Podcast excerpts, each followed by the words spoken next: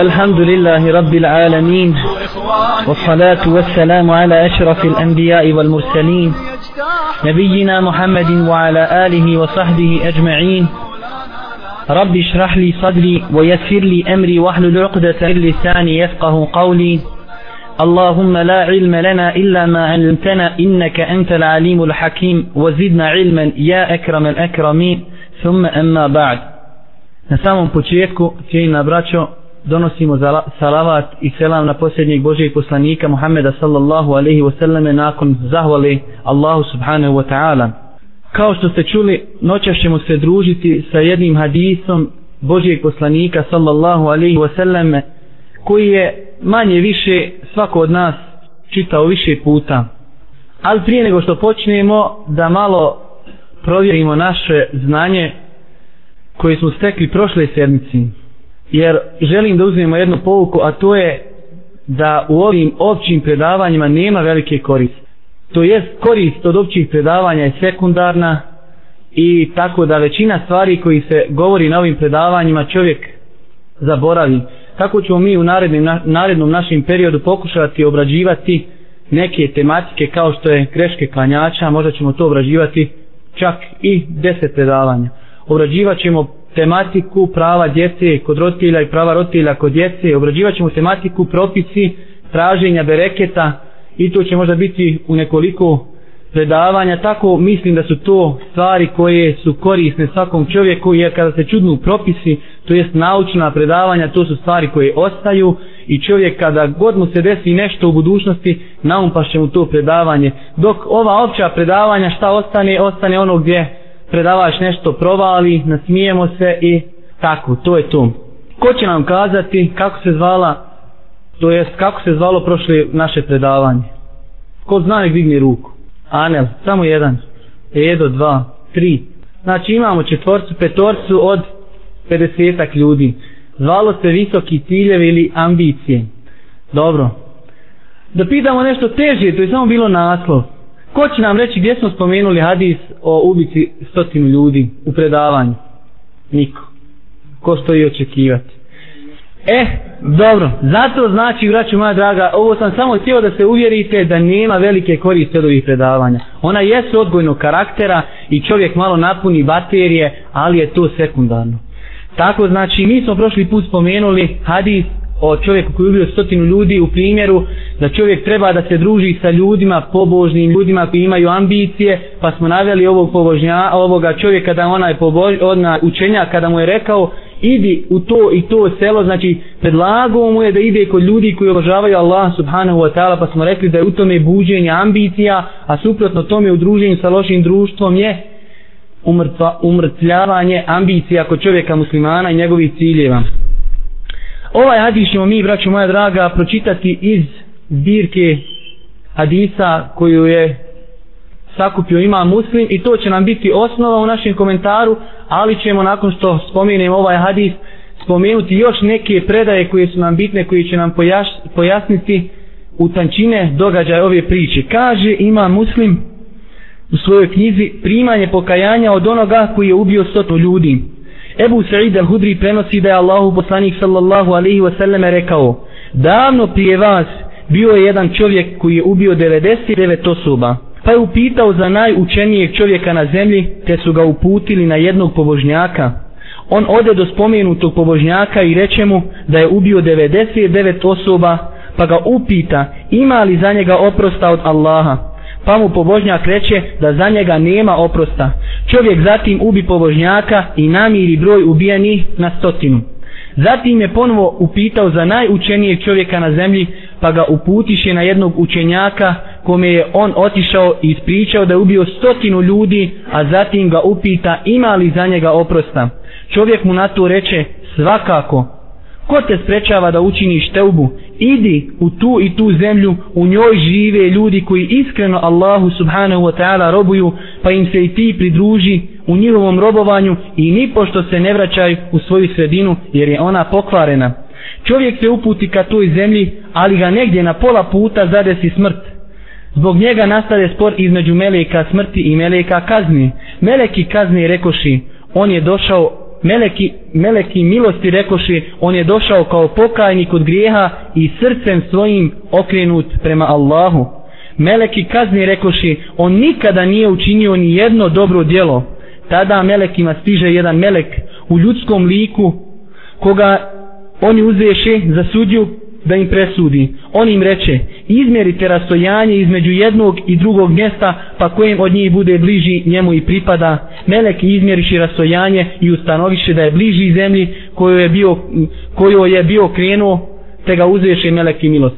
To je bilo ono što je ima muslim zabilježio u svojoj zbirci. Vidjeli smo da ima no, mnogo stvari koje ne dostaju, a mi većinom te stvari poznajemo, a nama i kako bitno da spomenemo te stvari kako bi mogli baš da upotpunimo svoju sliku o ovoj, ovoj priči, o ovom događaju. Prvo želimo da kažemo da ovaj hadis zabilježio ima muslim, zabilježio ga ima Buharija, zabilježio ga Ibnu Mađe u svom sunenu, a za taj hadis šeht Nasrudin Albani je rekao da je sahih, zabilježio ga imam Ahmed, imam Taberani, a svi ovi ovaj hadisi su vjerodostojni. Također prenešenje od više ashaba, prenešenje od Ebu Seide al-Hudrija, Abdullah ibn Amra, od Muavije ibn Ebi Sufijana.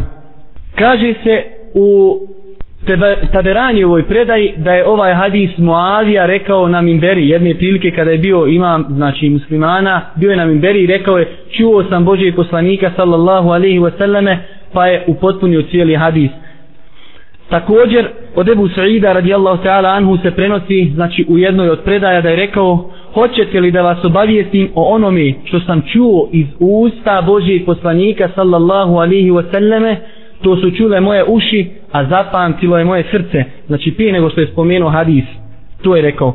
Također kod Buharije je prenešena predaja da se ovo desilo kod narod Benu Israil, Israilčana, a vidjeli smo u muslimu da kaže davno prije vas, znači nije spomenuto precizno, ali je kod Buharije precizno spomenuto da je to se desilo kod Benu Israila. Također u jednoj predaji se kaže ubio je 99 ljudi i time nanijeo sebi nepravdu.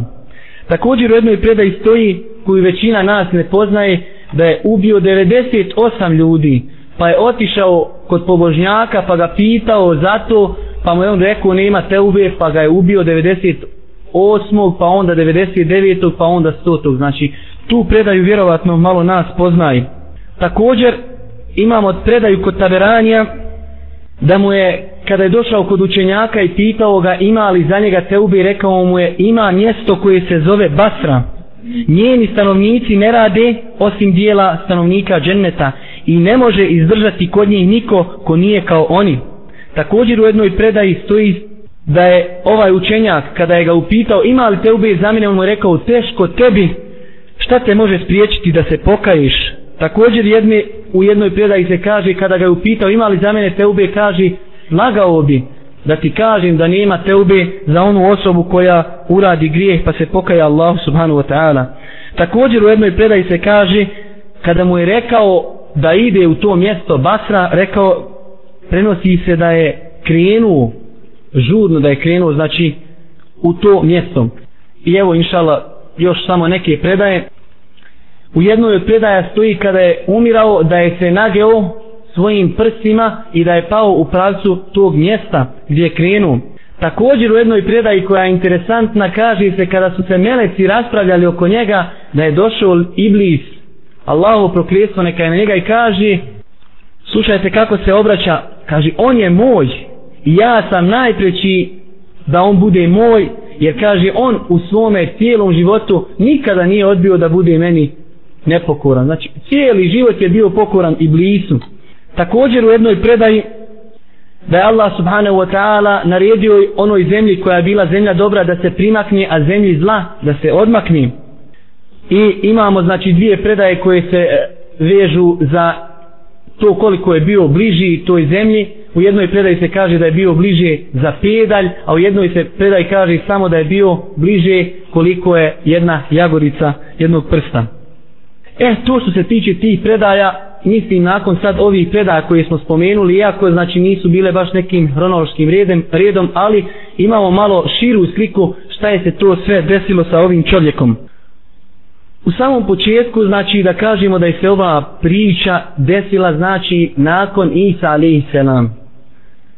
A neke ćete mi stvari kada mi, pošto većinom mi smatramo da smo pametni, da ne treba nam neko kazivati korist iz hadisa, neka ćemo mi spomenuti korist pa ćemo pitati nekog od prisutni na osnovu čega se uzima ta korist. Pa ko će nam reći iz čega bi se mogla uzeti korist da je, ovo deše, da je se ovo desilo nakon Isa alaihi selam? I vidite što znači ulema. Nisam ja ulema, vego šta je ulema rekla.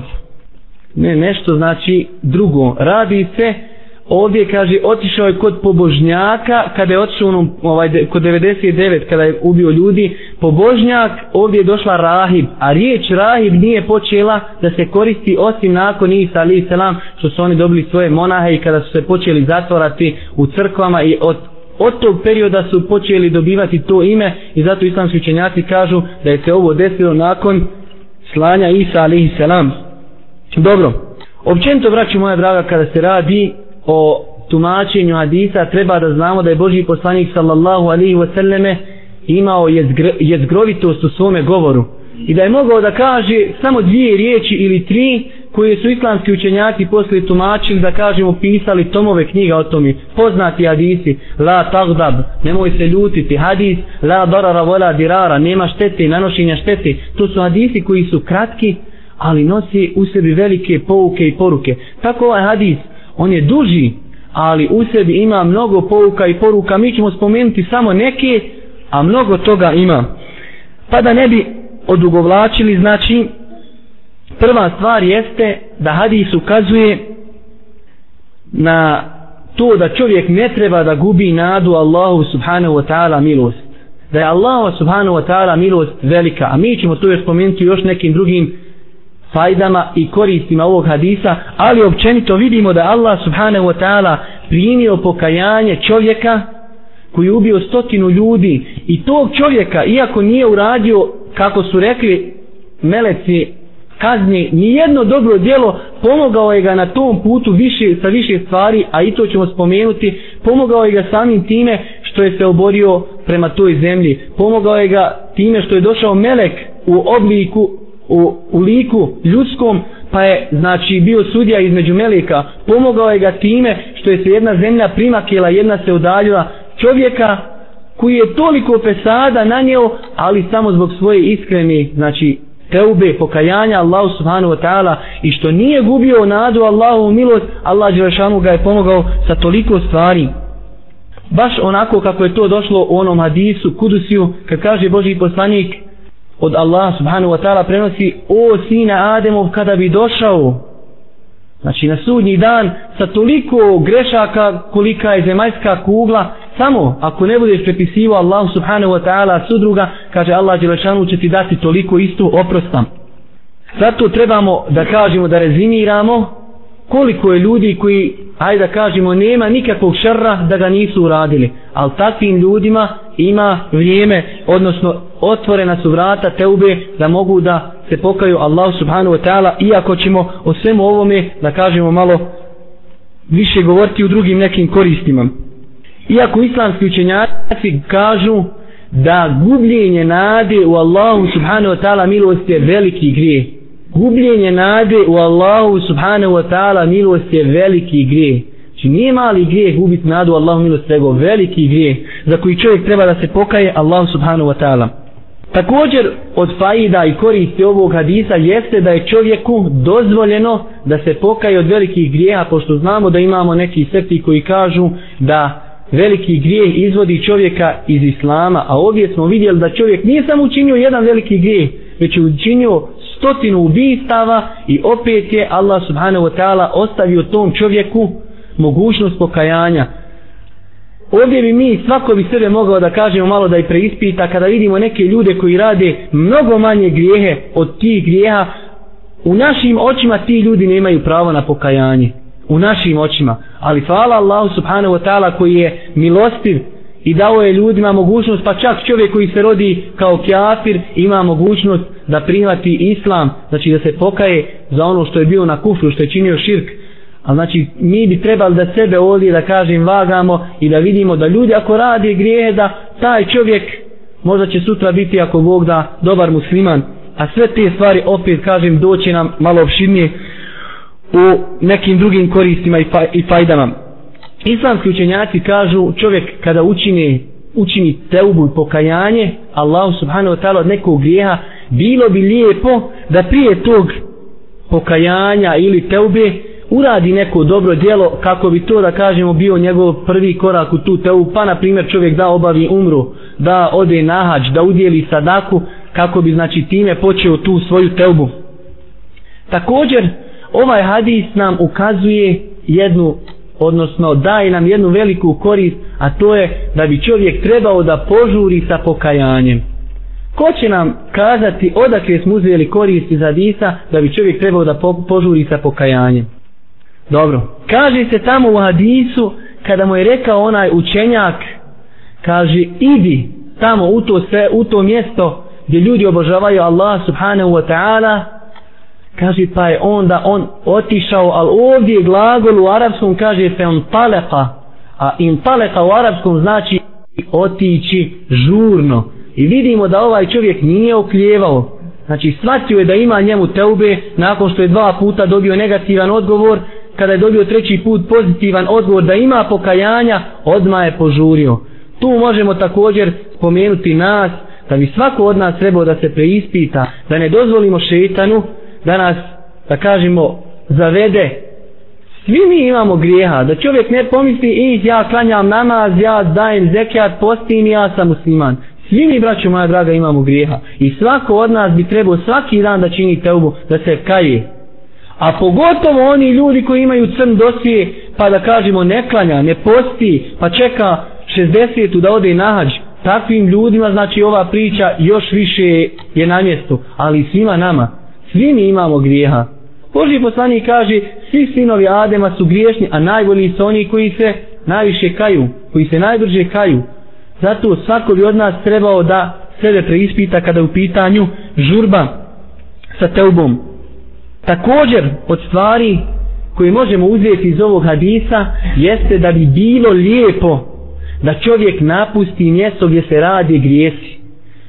Zašto smo rekli lijepo? Može nekada biti čovjeku i obaveza. U slučaju ako se čovjek boji za svoju vjeru, da će ga ta sredina odvesti od njegove vjere i braću moja draga, tom čovjeku je obavezno da napusti tu sredinu. Zato ovdje možemo spomenuti također jednu stvar, a to je da svako od nas treba da vodi evidenciju o svom imanu koliko ga je sredina zavela i koliko nije. Mi mašala prije što dođe zima, vodimo evidenciju o svačemu, slabo samo imanu. Jesi li pripremio drva? Jesam, maša. Jesi li nalio antifriz? Jesam, ne boj se. Platinska, sve u red. Zimske gume, sve. A kad upita šta si sebi pripremio za iman, sad će nam doći ljeto, doći nam iz dijaspore stotine valija koji su mašala spoznali istinu na zapadu, pa će oni nama ovdje pokazivati kulturu, razgoličavanje i svašta nešto. Šta si se pripremio za tog momenta? Mi se ne pripremamo s imanske strane, ali s dunjalučke sve ide, mašala po planu, platinska, dugmad i sve šta treba imamo. Zato znači svako bi od nas trebao da uzme jednu pouku i poruku da čovjek treba da vodi evidenciju o svom imanu, o sredini, koliko je njegova sredina gdje živi za, zaprljana, koliko utječe na njega, je li njegova vjera došla u pitanje. Mnogo ćemo puta naći čovjeka danas klanja posti tako mjesec, dva, tri i onda odjednom vidimo da nije više u tim krugovima zato što nije na vrijeme pazio o svome imanu. Također znači nakon što smo spomenuli da bi bilo lijepo da napusti ili nekad obavezno od koristi ovog hadisa jeste ostavljanje loših društva. Jer ne treba o tom je puno da kažemo filozofirat koje su koristi ostavljanja lošeg društva da nema ništa drugo u tom lošem društvu osim što te oni prisjećaju na to da si ti juče radio te neke stvari koje oni danas radi bilo bi dovoljno. A da ne govorimo da druženje s tim ljudima je indirektna dava. Ti ljudi samim svojim ponašanjem tebe pozivaju ono na čemu su oni. Također kada kažemo idemo nekim redom ostavljanje trog društva, da li je dovoljno samo ostaviti loše društvo? Nije, braćo moja draga. To je samo, možemo reći, pola puta. Ako čovjek ostavi loše društvo i ne nađe sebi dobro društvo, taj čovjek je u velikoj krizi. Jer čovjek ako ostavi loše društvo, mora u potpuno drugu polovicu, a to je da nađe dobro društvo. Društvo koje će ga pozivati u hajr. Društvo koje će sutra kada vidi da radi neku lošu stvar, koji će ga, da kažemo, upozoriti na to.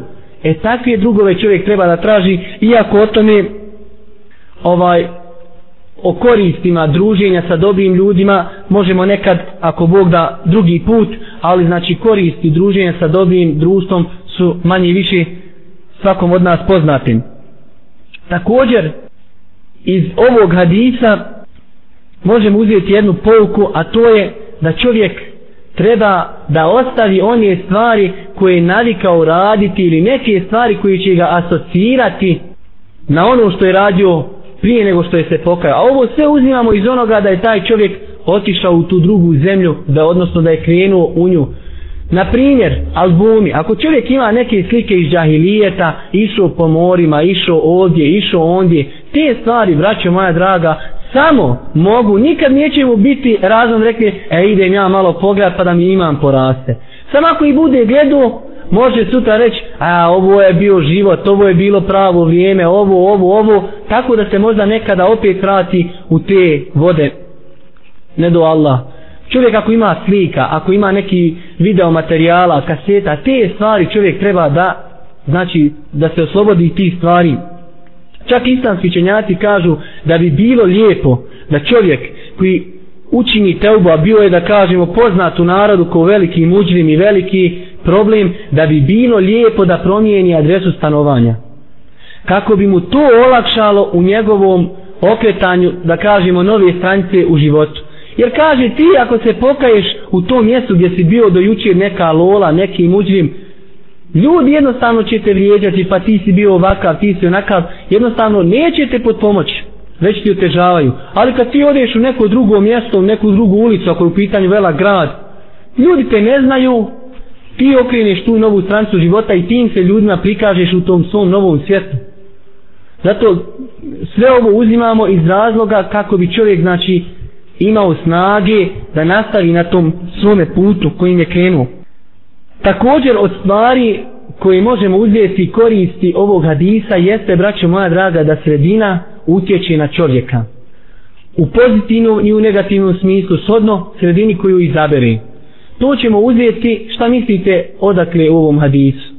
Uzet ćemo, iako ta preda jedna je spomenuta, jednu nismo spomenuli. Kad je rekao, ima mjesto koje se zove Basra i u tom mjestu žive stanovnici koji rade dijela stanovnika dženneta. I kaže, ne može kod njih niko opstat osim oni ljudi koji su koji oni. A ima nastavak, e, ima, kaže, drugo mjesto pa je nazvao, kako zove se tako i tako, kaže, u njemu žive stanovnici koji rade samo djela stanovnika džennema i kaže kod njih ne može opstati niko drugi osim onaj koje kao i oni. I vidimo ovdje pouku, braćo moja draga, jednu veliku, da sredina utječe na čovjeka pozitivno ili negativno. To ono smo i prošli put spominjali i dosta puta kada je u pitanju djeca.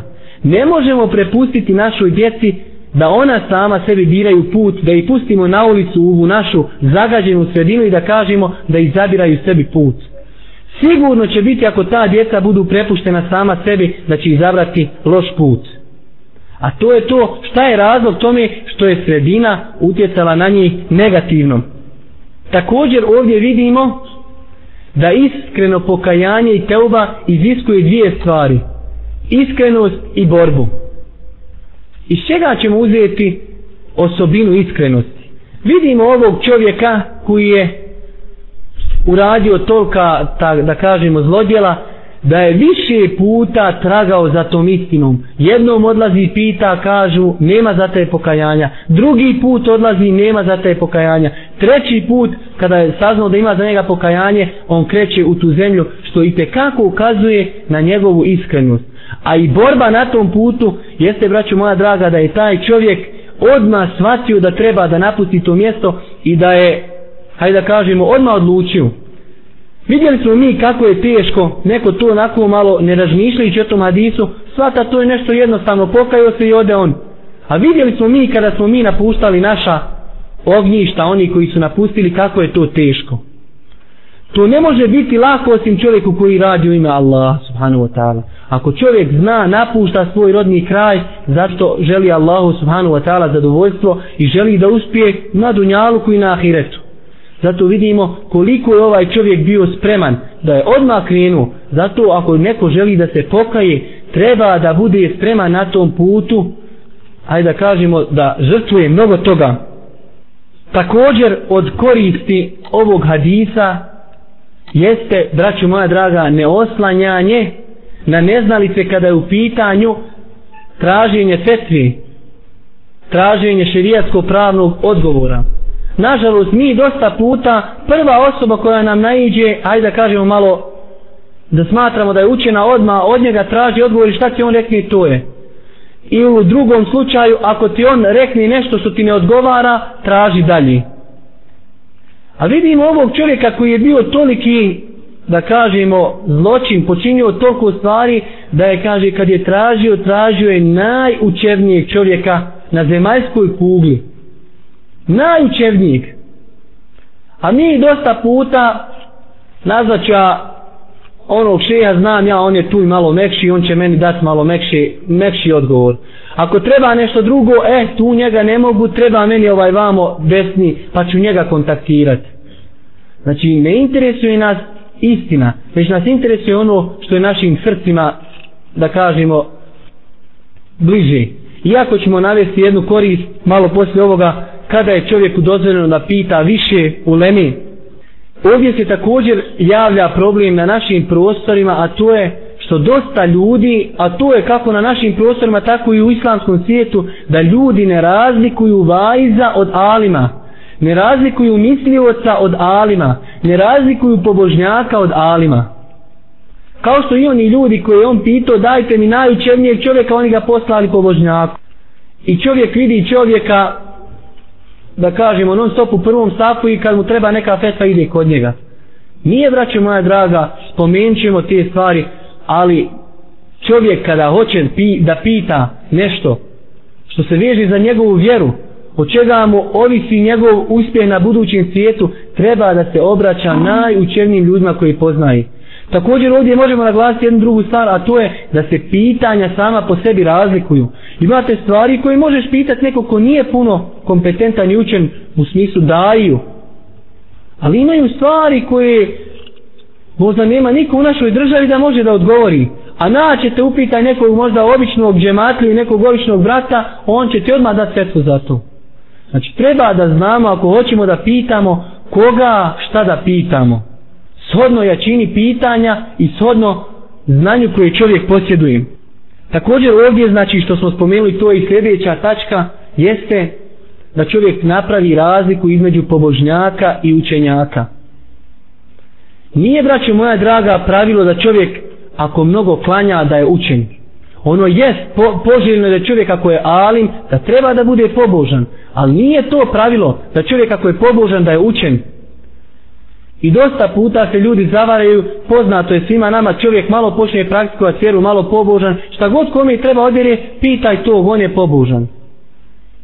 Čovjek ne zna, ali ljudi ga pitaju zato što smatraju što on neke stvari zna. Također možemo uzeti jednu korist, iako nije neka da kažemo jaka korist, ali eto da je spomenemo, a to je da je ljude lako prevariti vanštinom.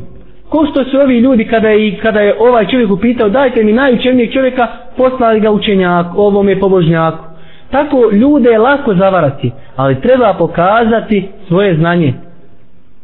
Znači tako, znači to islamski učenjaci kada komentarišu ovaj hadis spominju i tu ovaj korist. Iako kaže se tamo ako je čovjek učen i ima pri sebi dovoljno da kažemo neki općih na fila, klanja čovjek malo nešto od noćnog namaza, klanja duha namaz, da takvom čovjeku je preći da vrši na filu što tiče znanja ilma nego na filu i badetu.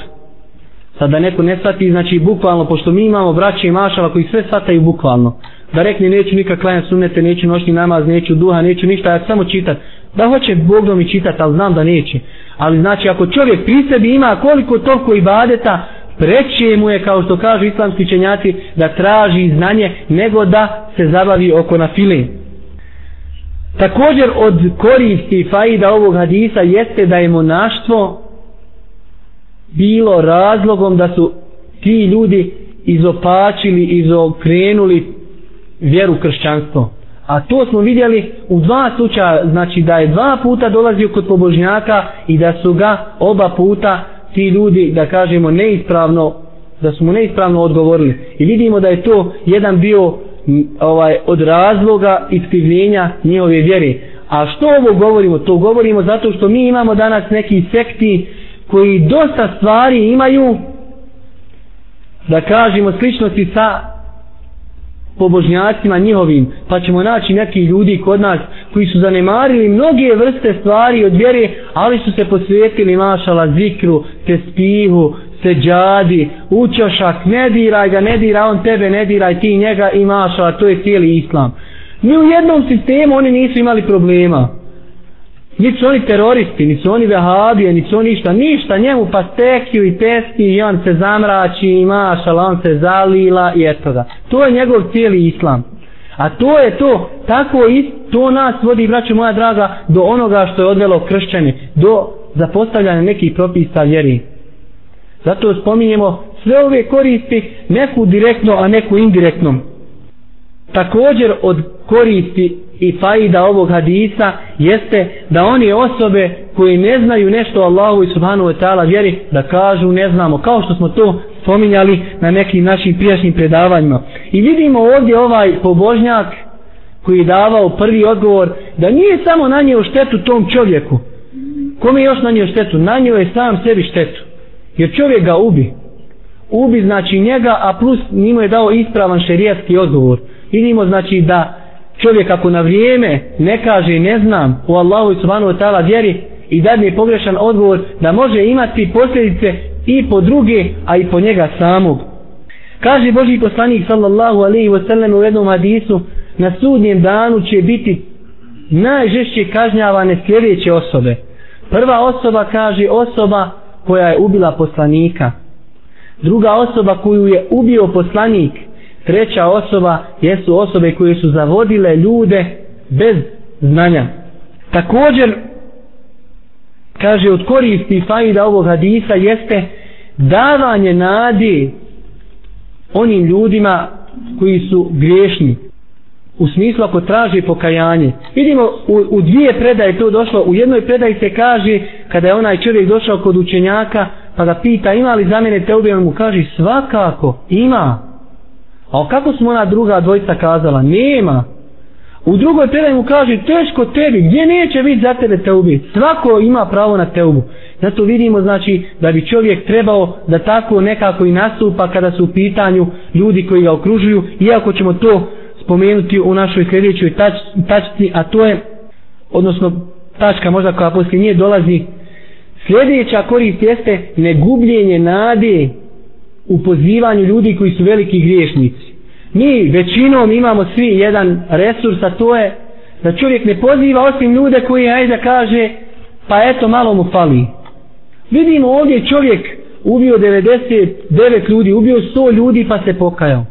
Zato znači ako čovjek pije, puši, krade, zinaluči, ne treba čovjeku biti razlog da ga ne poziva. Možda jedna riječ bude dovoljna da taj čovjek krene u Allahu subhanahu wa ta'ala da se pokaje. Kome je padalo na um da će se Omer pokajati? Omer koji je postao halifa muslimana koji je rekao za tebe nije bilo grija kojeg nisam učinio. Omer se je pokajao. Tako vraću moja draga ne treba čovjek da gubi nadu u te ljude. Znači ako imamo kontakta s takvim ljudima, treba čovjek pokušati da im svojim primjerom, primjerom pokaže živi islam i da ako može da ih pozove u Allahu subhanahu wa ta'ala vjeru. Jer Boži poslanik sallallahu alaihi wa sallam nam kaže prs, eh, srca ljudi su kaže između Allahove subhanahu wa ta'ala dva prsta i okreće ih kako on hoće. Tako ne smije se čovjek zakrijeti da neko neće sutra doći u džamiju. Možda onaj koji je najučevniji i najpobožniji ne uzubila sutra zaluta. A možda koji je najveći muđvin i koji je najveći mafijaš i najveći griješnik možda sutra postane najbolji musliman.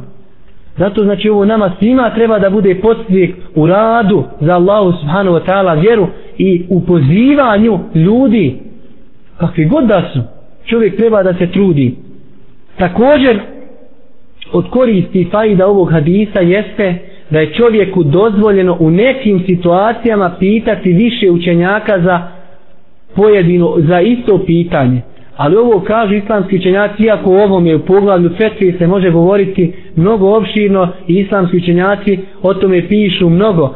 Sam ovaj, Ibnul Qajim je napisao knjigu zove se I'lamul Muwaqi'in u tri ili četiri toma se štampa dosta tu govori o fetvi i propisima fetvi, ali znači jedan od propisa fetvi je da je čovjeku u nekim situacijama dozvoljeno pitati više ljudi, kao što je ovaj čovjek upitao jednog, pa mu nije dao odgovor koji je njegovom srcu lego, ubio ga, pa je otišao drugom, pa tako trećim. Znači čovjek je jedno te isto pitanje upitao više ljudi. Ali ovo, braće moja draga, kažu islamski činjaci, pod uslovom da si ti shvatio da taj čovjek koji ti je odgovorio na to pitanje nije shvatio tvoju stvarnost ti ga pitaš nešto i on ti odgovori nešto, zaista ti kao lajk vidiš da to nije to. Tada ti je dozvoljeno da odeš ili tom istom čovjeku da mu ponoviš pitanje, ili da odeš nekom drugom da kažeš tako i tako. Ali ne iz razloga ako ti čovjek dadne ti kažeš uradio sam to i to, pa ti on kaže trebaš zakat kurban, trebaš dat ovo, trebaš ono, u, meni to puno odaja pitat nekog drugog. Znači tu nije to već ovo u slučaju ako ti kao lajk shvatiš da to nije zaista odgovor, da je čovjek možda pogrešno te shvatio, nije imao vremena da te sasluša, žurio je, u takvim situacijama čovjek može otići upitati nekog drugog, a ne da ide u cilju traženja nekog ko će mu dati neki lakši stav. A nažalost, to je kako kod nas zastupljeno.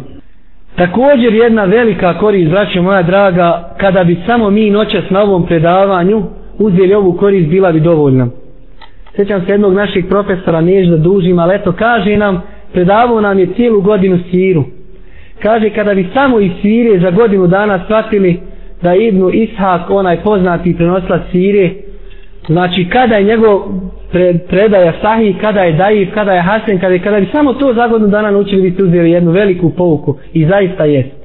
Tako i vi, braćo moja draga, kada bi samo noćas uzeli ovu pouku, ja mislim, bilo bi dovoljno, a to je davanje preventive ljudima.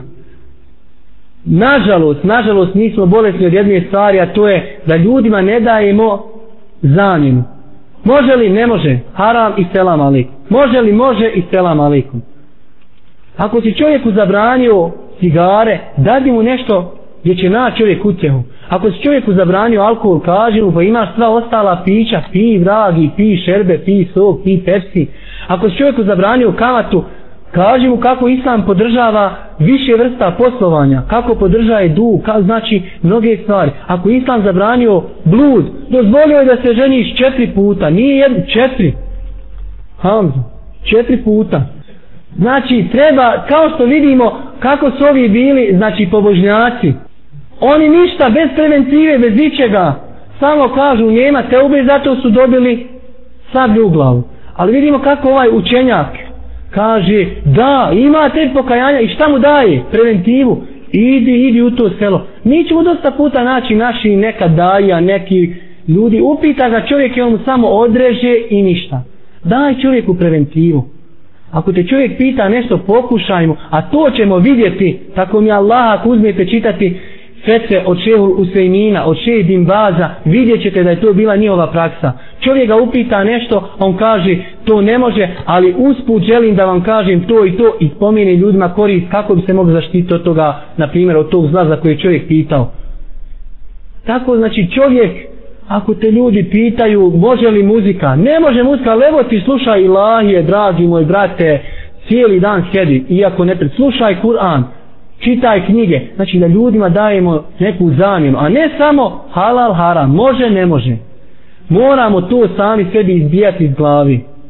Zato kažem da nismo uzeli nikakvu drugu korist osim ovu, sigurno bi nam bila dovoljno, ali ne da je uzmemo ovako da nam naupadne, da smo je čuli, već da je pokušamo praktikovati u svakodnevnom životu.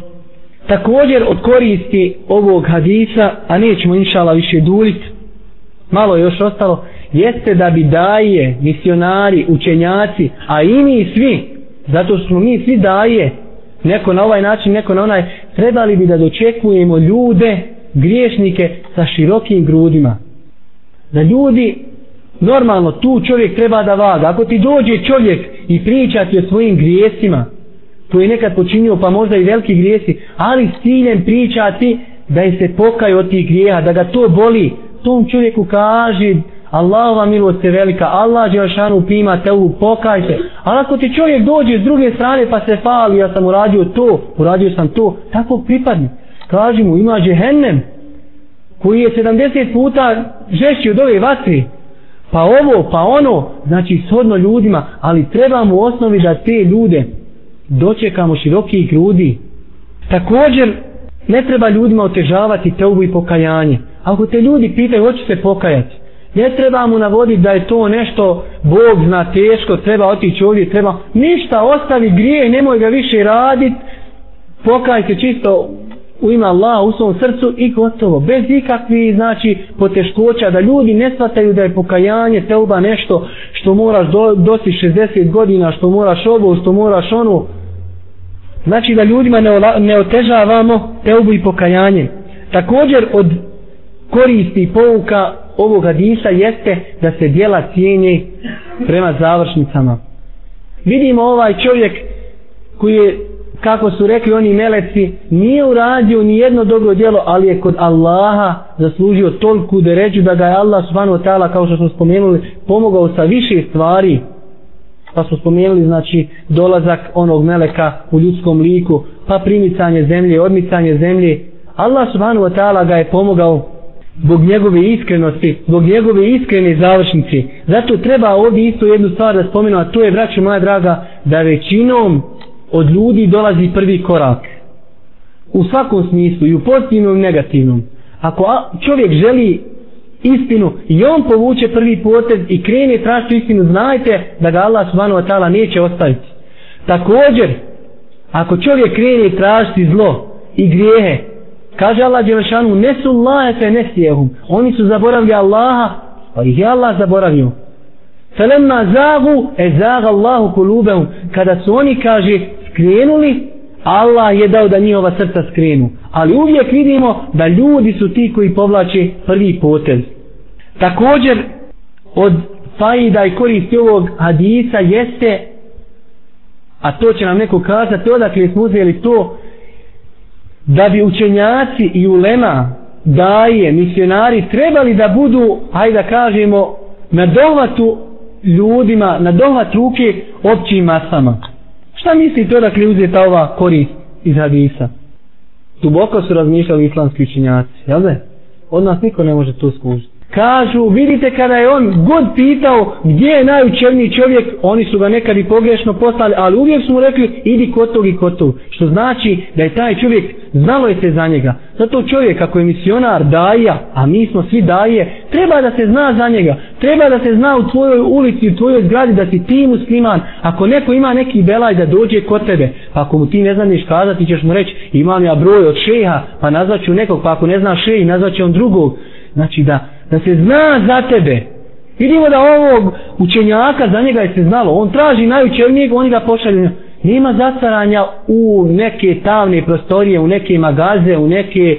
Znači da ljudi, da, da se vidimo, da se zna za takve ljude. Također, jedna isto fina stvar, a mi smo prošle sedmice imali debatu o tome, jeste da bi čovjek musliman trebao da bude informisan onome što se oko njega dešava. I Ko će nam reći iz čega smo uzeli tu korist? Opet niko. Uzeli smo... Nema razmišljanja, to čovjek treba isto kompjuter, samo enter i gotovo. Iz onoga kada mu kaže onaj učenjak, idi u to i to mjesto, u Basru, tamo žive takvi i takvi ljudi. Šta mislite da on nije znao ništa osim u tom selu gdje on živi? Da li mu mogo dati preventivu i reći idi tu i tu? Koliko ima ljudi, nažalost, do sada još ne znaju za ne karikature i mnoga, mnoge druge stvari. Znači, musliman čovjek, a naročito daja, misionar, trebalo bi da zna šta oko njega se dešaje. I te kako bitna stvar. Privodimo, braćo, kraj, nemojte se ovaj uznemiravati. Također, ovdje ćemo samo spomenuti stvari onako, znači, nećemo i komentarca. Čovjek bi trebao da se od ovakvih stvari spomeni, ovaj, okoristi od ovakvih priča u smislu da pričamo jedni drugima te priče da našoj djeci pričamo ovakve priče koji su zabilježene u Buhari, u Muslimu, koliko imamo takvih priča. A mi našoj djeci pričamo o čarabakama i o crvenkapicama. Zato znači da čovjek uzme pouku i poruku da, da koristimo ove blagodati koje nam je spomenuo Boži poslanik sallallahu alihi wasallame. Znači ovom hadisu je također dokaz da se meleci razlikuju u svojim funkcijama, neki uzmaju dušu, neki pišu dobra djela, neki loša i tako znači imamo dokaz u tome. Ovaj, također uzimamo jednu veliku pouku i poruku, a to je da bi čovjek trebao često da preispituje svoju namjeru i svoje nijete. Jer vidimo kako oni meleci dobra, znači milosti, Na osnovu čega su shvatili oni da je ovaj čovjek dobar? Oni kažu, kao što je došlo u hadis, kaže, on je došao svojim srcem okrenut Allahu. A šta je srce nego namjera? Zato znači svako bi od nas trebao da posvijeti vremena malo, odnosno ne malo, dosta vremena kada je u pitanju namjera. I na kraju da je čovjeku dozvoljeno da primati sud znači ljudi u smislu ako se dvojica ljudi posvade i kažu želimo da nam presudi taj taj čovjek normalno ako se to ne krši sa šerijatom da je to dozvoljeno prihvatiti. Molim Allah subhanahu wa ta'ala da vas nagradi za ovaj vaše vaš trud koji ste uložili da dođete ovdje. Vidim da je bilo malo pospan iako sam ja trebao da budem najpospaniji ali eto ovaj malo halalte. I ja sam bio na putovanju pa tako سبحانك اللهم وبحمدك أشهد أن لا إله إلا أنت أستغفرك وأتوب إليك.